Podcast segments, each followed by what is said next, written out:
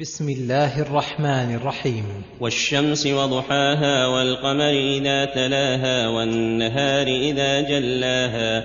اقسم تعالى بهذه الآيات العظيمة على النفس المفلحة وغيرها من النفوس الفاجرة فقال والشمس وضحاها أي نورها ونفعها الصادر منها والقمر إذا تلاها أي تبعها في المنازل والنور والنهار إذا جلاها أي جل ما على وجه الأرض وأوضحه. والليل إذا يغشاها والسماء وما بناها والأرض وما طحاها.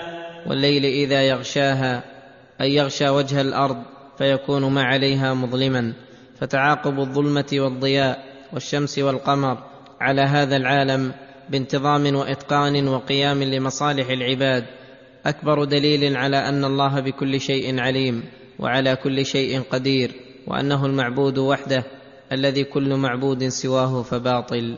والسماء وما بناها يحتمل أن ما موصولة فيكون الإقسام بالسماء وبانيها الذي هو الله تبارك وتعالى ويحتمل أنها مصدرية فيكون الإقسام بالسماء وبنيانها الذي هو غاية ما يقدر من الإحكام والإتقان والإحسان ونحو ذلك قوله والأرض وما طحاها أي مدها ووسعها فتمكن الخلق حينئذ من الانتفاع بها بجميع وجوه الانتفاع. ونفس وما سواها فألهمها فجورها وتقواها.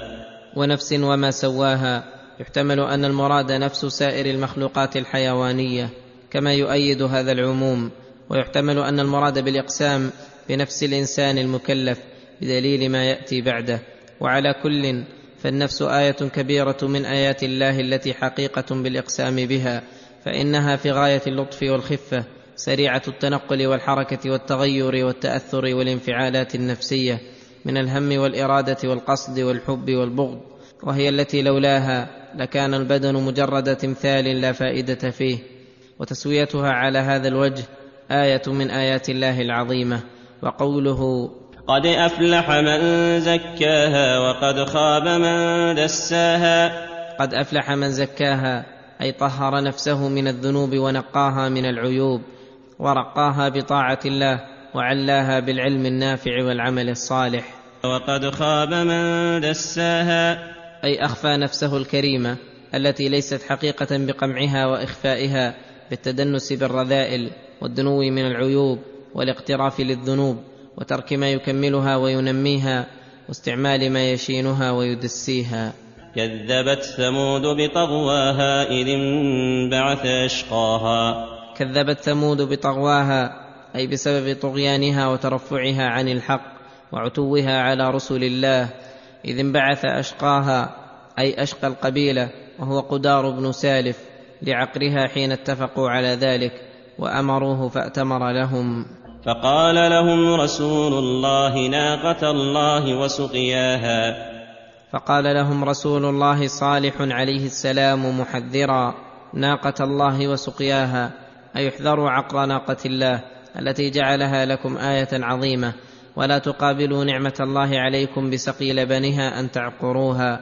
فكذبوا نبيهم صالحا.